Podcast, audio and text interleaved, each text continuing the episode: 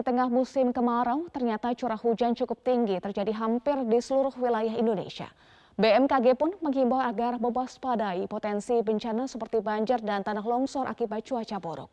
Untuk membahas fenomena cuaca ini, telah bergabung bersama kami Kepala BMKG Dwi Korita Karnawati. Korita, bagaimana kondisi cuaca secara umum di Indonesia? Sesuai dengan hasil prediksi BMKG di bulan Maret yang lalu, musim kemarau saat ini adalah kemarau yang relatif basah di, di atas normalnya.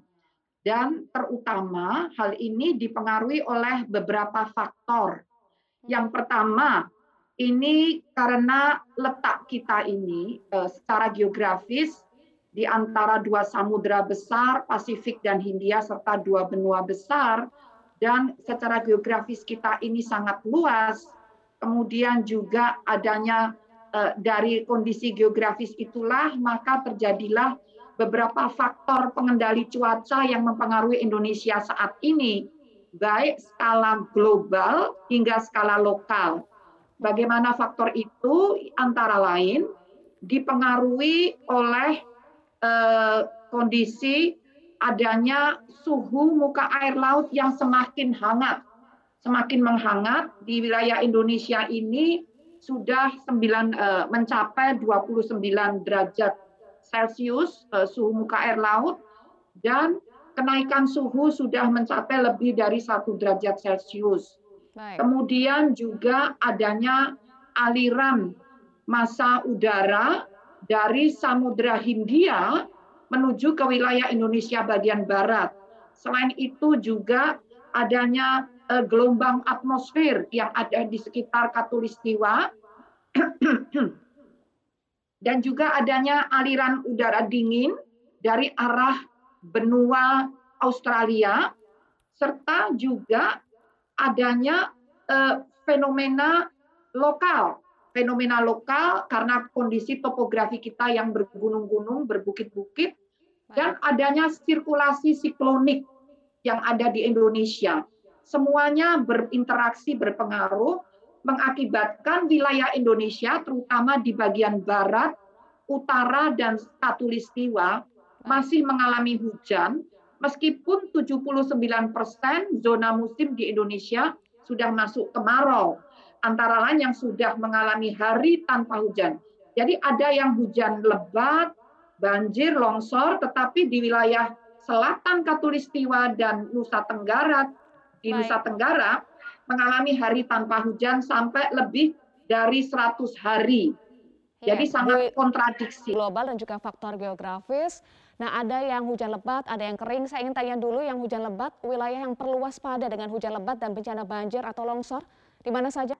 Baik, yang mengalami hujan lebat itu antara lain yaitu di Sumatera, ini hampir seluruh provinsi uh, di Sumatera ini secara scattered ya, uh, tidak merata, tetapi di setiap provinsi akan mengalami hujan lebat. Dan mohon maaf karena waktu saya tidak bisa menjelaskan detail. Informasi detail ada di aplikasi mobile phone info BMKG. Kemudian di Sulawesi juga mengalami hujan lebat, seluruh Sulawesi ya Kemudian Kalimantan itu kecuali Kalimantan Selatan yang tidak mengalami hujan lebat dan juga ada di Jawa yaitu di Jawa Barat, Yogyakarta, Jawa Timur, Nusa Tenggara Barat juga mengalami hal tersebut hujan lebat serta ada di Maluku Utara dan Papua. Untuk lebih detailnya skala kecamatan tersedia di website dan juga di aplikasi mobile phone info BMKG. Demikian, Baik. Mbak. Baik, lebih lanjut soal daerah daerah mana bisa diakses di info BMKG, tetapi kami ingin tanya sampai kapan kira-kira kondisi ini berlangsung? Nah, kondisi ini yang saya sebutkan tadi sampai tiga hari ke depan. Hmm. Namun, namun kami memprediksi di bulan September pun, bulan September, jadi tidak masalah uh, tidak berhari, tapi September ini kami juga memprediksi ada kategori untuk ini mengalami uh, perlu waspada berpotensi hujan lebat dan banjir. Ini yang kategori tinggi itu antara lain sebagian kecil Aceh bagian timur dan Sumatera Utara bagian utara serta Sulawesi Barat sebagian kecil. Lengkapnya ada di website dan aplikasi. Oktober pun masih berpotensi mengalami hujan dan banjir sekali lagi di Aceh dan Sumatera Utara di sebagian kecil wilayahnya, serta di Riau, Sumatera Barat, serta sampai juga di Papua Barat, di Sulawesi, dan juga di beberapa wilayah di Kalimantan. Itu sampai Oktober. November juga demikian, Mbak. Masih ada potensi hujan dan banjir, terutama di wilayah Aceh, selalu Aceh, Sumatera Utara, Riau, dan juga sampai eh, Papua bagian barat dan tengah, kemudian juga di Sulawesi Barat, sebagian kecil eh, Papua Barat bagian utara juga. Pemerintah mengizinkan mal di kota Bandung dan beberapa wilayah lainnya yang berada di level 3 kembali dibuka. Penerapan PPKM periode 10 hingga 16 Agustus. Ada sejumlah aturan dan kebijakan yang harus diperhatikan oleh pengelola juga pengunjung. Andromeda Rizal akan melaporkan informasi selengkapnya dari Bandung, Jawa Barat. Andro, bagaimana persiapan sejumlah pusat perbelanjaan di hari pertama dan masa percobaan pembukaan kembali sejumlah pusat Melihat sejumlah persiapan dan juga uh, hal-hal uh, yang perlu diperhatikan dalam di hari pertama masa uji coba dibukanya kembali pusat perbelanjaan khususnya di kota Bandung saat ini memang ada beberapa sejumlah persiapan yang tengah dilakukan. Namun di pagi hari tadi hingga siang hari ini memang tadi dilaksanakan monitoring yaitu di, jajaran Forkopimda dan juga dari Kementerian Perdagangan untuk melihat dan meninjau sejauh apa persiapan ketika hari pertama pelaksanaan masa uji coba ini. Ada sejumlah aturan dan kebijakan memang yang harus diperhatikan oleh pihak pengelola. Salah satunya bila kita lihat adalah wajib untuk menyertakan uh, vaksinasi Vaksinasi ini bisa melalui kartu vaksin ataupun dari aplikasi Peduli Lindungi.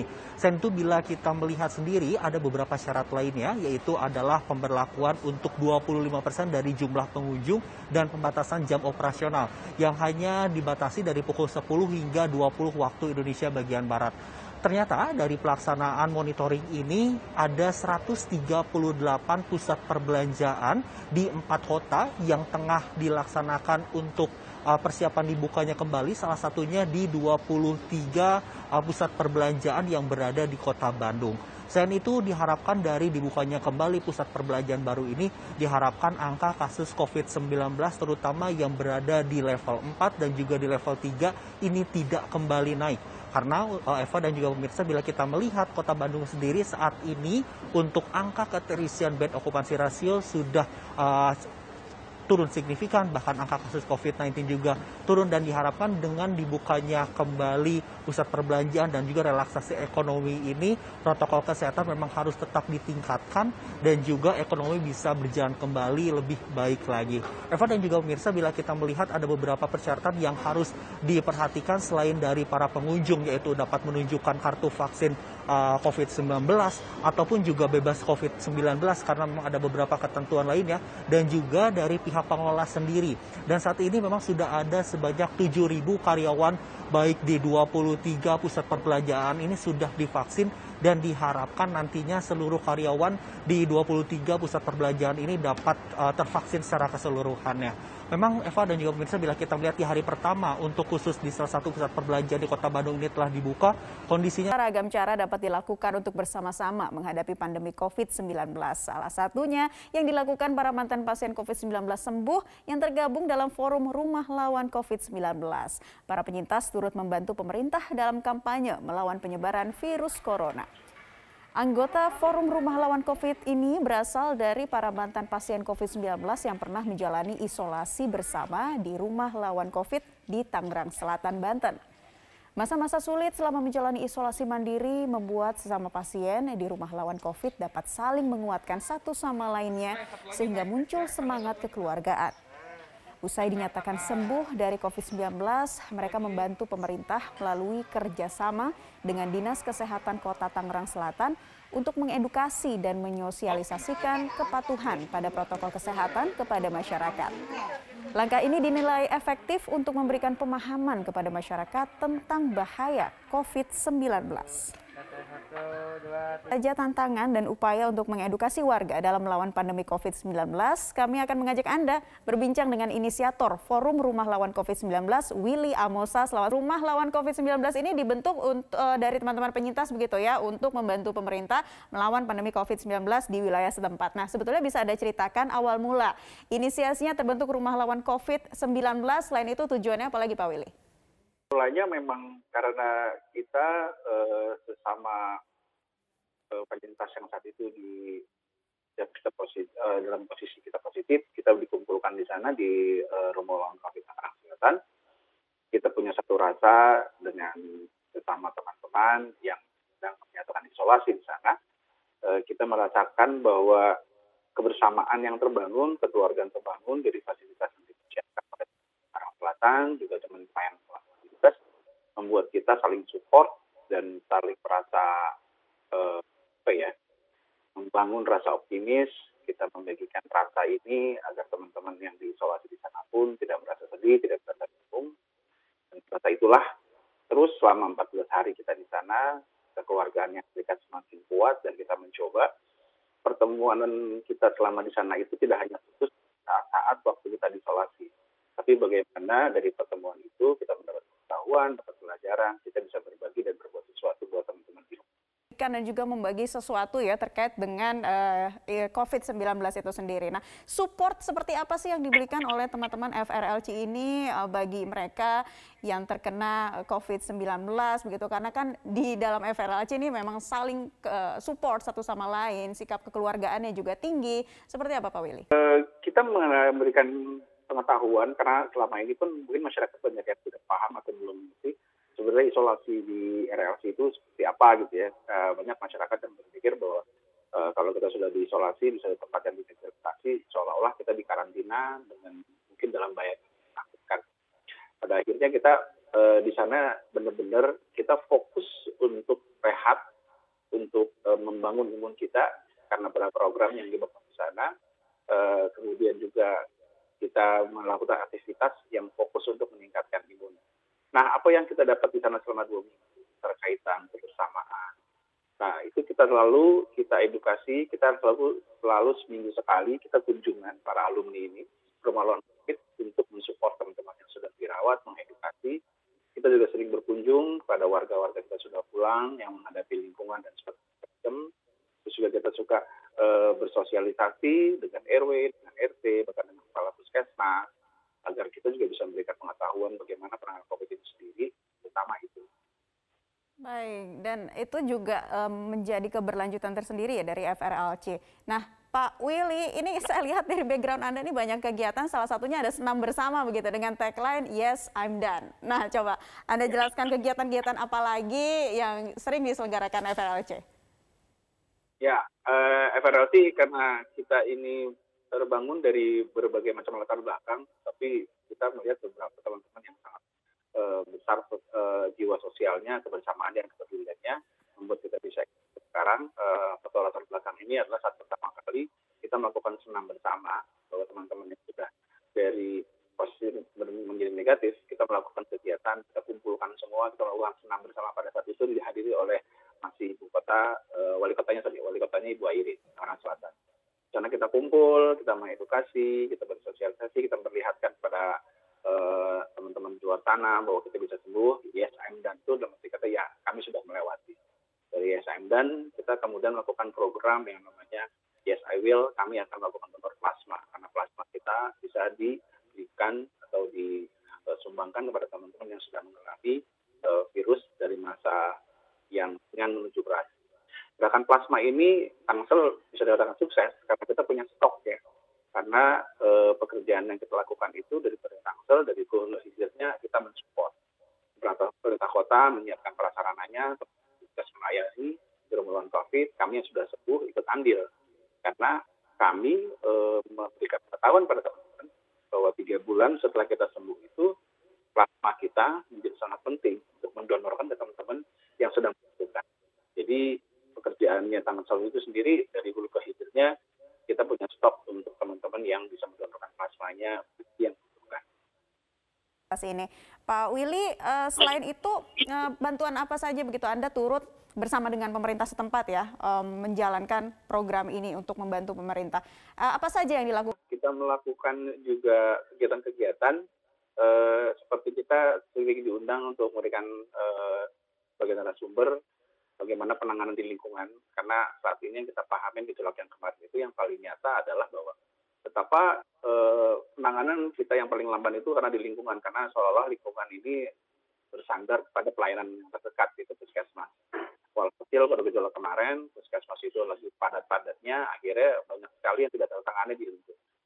Jadi kita turun mengedukasi bagaimana penanganan pertama pada saat di lingkungannya itu ada yang terinfeksi harus dipisahkan dulu yang mana non uh, tanpa gejala, yang dengan gejala itu kita berikan edukasinya karena uh, banyak pemahaman yang informasinya akhirnya tidak tertangani, akhirnya tidak mengerti penanganan ya akhirnya makin melakukan gitu. Nah itulah kami turun. Kami pahamin banget kalau seandainya sudah puskesmas itu sendiri melayani sampai untuk satu atau dua kelurahan. Sedangkan kelurahan itu sendiri memiliki 12 RW. 12 RW per RW memiliki 12 RT. Dan RT dan sekian banyak warganya. Nah, itulah kami katakan kami turun ke masyarakat untuk menyampaikan pada teman-teman di RW, di RT, bagaimana penanganan pertama. Dan kami pun juga mengkoordinir teman-teman penyintas yang ada di lingkungan RT terdekat untuk mampu mengedukasi bagaimana penanganan jika ada di sekitarnya yang terinfeksi uh, corona, penanganannya seperti apa. Baik, Seperti jadi sosialisasi terus dilakukan melalui berbagai cara ya Pak Willy ya, salah satunya juga dengan uh, webinar begitu. Nah, bagaimana dengan uh, kampanye protokol kesehatan sampai saat ini? Apakah masih terus berjalan Pak Willy di wilayah Tangerang sendiri juga seperti apa nih penerapan uh, prokes di sana? Masih banyakkah warga yang masih abai terhadap protokol kesehatan? Ya, kita pahami bahwa kemarin uh, kita pernah landai kan, kita pernah landai, pernah naik lagi di Januari landai tersebut uh, banyak orang yang menganggap, ini uh, sudah uh, sudah selesai gitu ya. Tapi ternyata berapa kegiatan yang pulang kampung, terutama perubahan iklim dan segala macam buat ini rentan. Akhirnya banyak yang uh, lalai hal tersebut. Tapi dengan kejadian yang besar kemarin cukup menjadi concern kepada mereka, uh, minimal mereka udah tahu penanganan seperti apa. Yang pertama dilakukan sekarang adalah vaksin untuk salah satunya untuk uh, penanganan sementara. Tapi lambat laun Tangerang sendiri sudah tidak dari zona Tangerang Selatan tidak jadi zona merah udah menuju ke perbaikan. Jadi kita sudah bisa mengedukasi dan masyarakat sudah paham eh, bagaimana penanganannya sendiri. Karena yang paling terutama adalah memahami informasi COVID ini apa itu yang penting. Terus pada saat apa kita dikatakan eh, mudah terinfeksi atau bagaimana menghindari dari hal-hal yang memungkinkan kita akan terinfeksi virus ini sendiri. Edukasi yang paling penting dan mengerti pengetahuan karena semakin banyak informasi ini membuat orang kebingungan